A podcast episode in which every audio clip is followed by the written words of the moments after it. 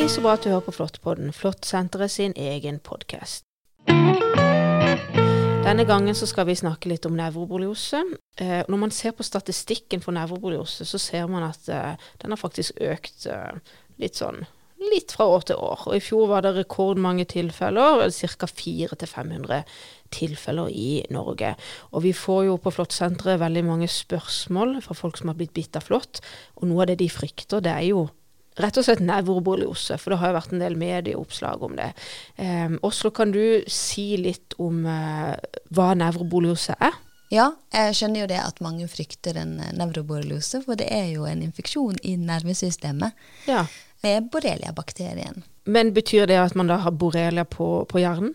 Det er mange som tenker det at da er det liksom i hjernevevet, men heldigvis eh, så er det veldig sjelden at man har en infeksjon i selve hjernen, men det er i disse perifere nervene og nerverøttene man eh, ser i infeksjonen. Ja, og når du sier perifere, mener du da liksom nervene som går ut fra, fra ryggraden og, og nakken? Er det det vi snakker Ja, om? Ja, vanligvis er det, så ser man infeksjon i, i nervene som går ut Eller man får iallfall symptomer øh, fra nerver som går ut fra nakken, eller fra det vi kaller hjernenerver som går ut i ansiktet.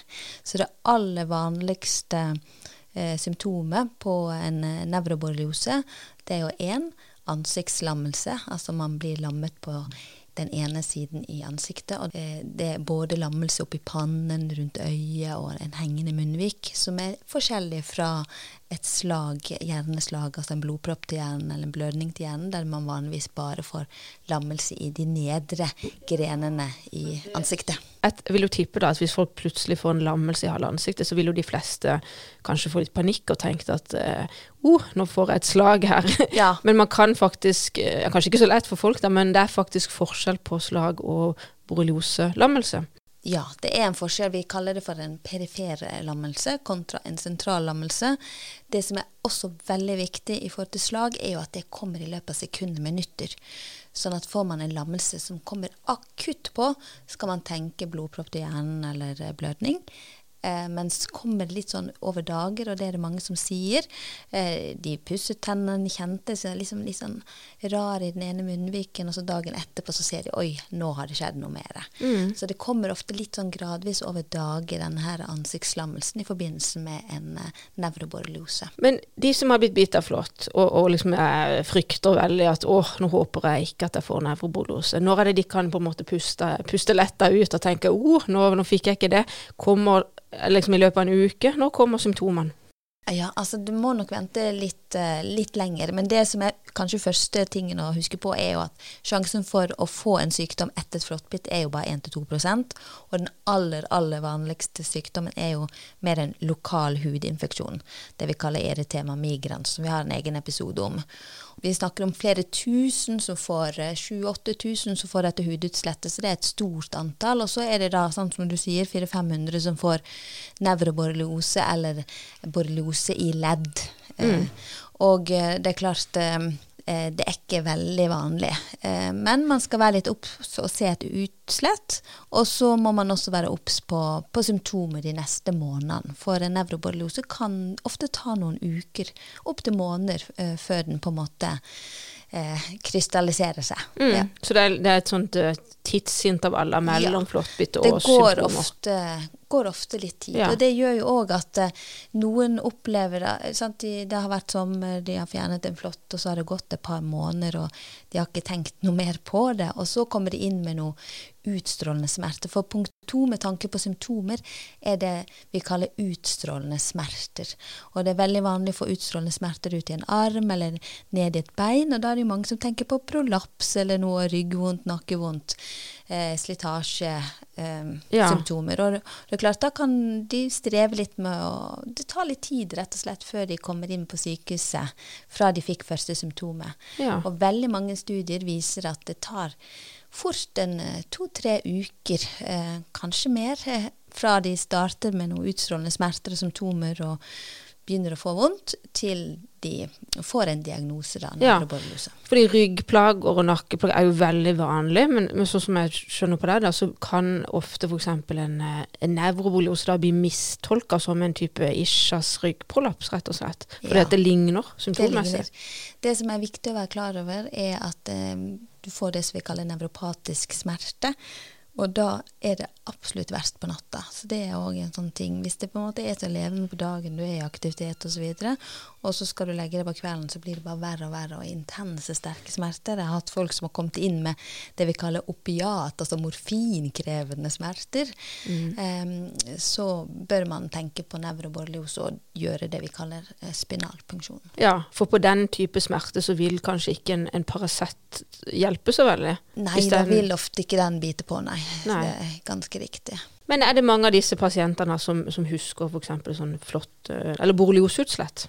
Det er veldig få som husker et borrelioseutslettet, og også egentlig nokså få som husker flåttbitt. Cirka, altså I studier og sånn så er det ofte rapportert ca. 50% som husker at de blir bitt av flått. Ja. Eh, så da er det eh, mer det at de kommer med symptomer da, som, som man mistenker en nevroborreliose på. Og når man bor, i alle fall her nede på Sørlandet, og det er nyoppståtte symptomer, eh, så tenker vi ofte nevroborreliose og eh, spinalpunkterer veldig mange på den mistanken. Mm. Men hva med type sånne symptomer som feber, hodepine, at du generelt føler deg veldig dårlig? Det er også vanlig ved nevroborreliose. Det er ikke så vanlig for voksne å få feber og på en måte bare sånn generell eh, redusert allmenntilstand ved nevroborreliose. Da ville jeg mye heller tenkt TBE, som også er et virus som spres via flåtten. Men når det gjelder barn, og spesielt små barn, så kan de ha litt mer av disse på en måte sånn redusert allmenntilstand, eh, miste appetitten eh, og eh, kan ha litt feber. Mens de barna som er litt større igjen, som nærmer seg ungdom og voksen, de vil ha typiske voksne symptomer, og det er jo da ansiktslammelse, dobbeltsyn kan også være gjeldende, utstrålende smerte fra nakke og fra fra rygg, eh, og eh, kan også ha nummenhetsfølelse og eh, lammelser på samme side som man har disse smertene. Mm. Nå, nå spør jeg et litt vanskelig spørsmål kanskje, men mange jo, lever jo med daglige smerter.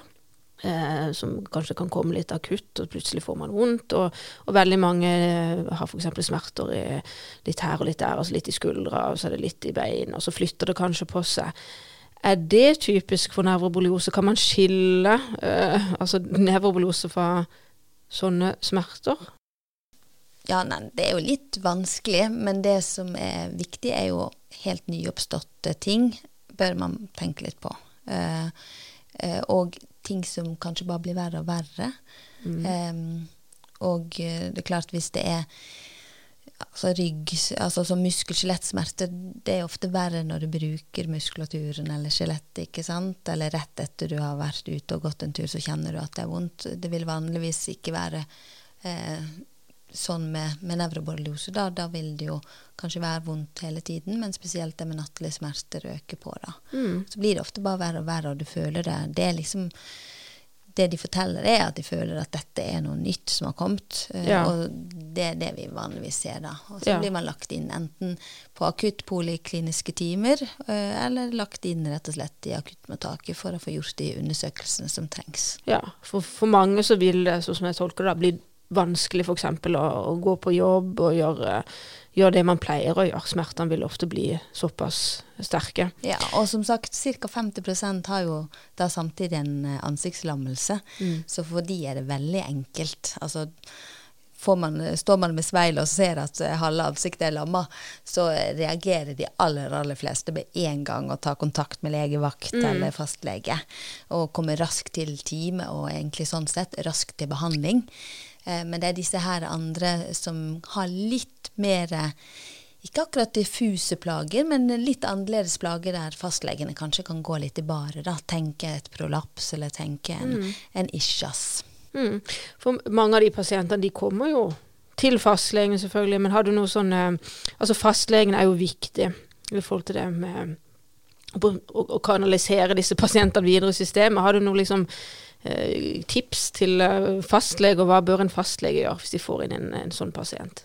Da ville jeg absolutt tatt en telefon til vakthavende på, på dine, altså enten nevrologen eller på infeksjonsmedisin. Det er jo litt avhengig av sted til sted hvor man uh, legger disse pasientene inn. Og diskutere litt og drøfte litt. For skal man liksom komme til bunns i det, så må man spinalpunktere. Noe som jeg skal komme tilbake til i neste episode. Ja, tusen takk Åslaug for at du svarte uh, utrolig bra på masse vanskelige spørsmål om nevrobiose. For det er jo et veldig komplisert tema, egentlig dette, og mye informasjon å ta inn over seg. Men jeg tror det er veldig nyttig for folk. Uh, følg gjerne med i neste episode, og hvis du har spørsmål du vil at vi skal svare på, send oss gjerne en e-post. Vi høres.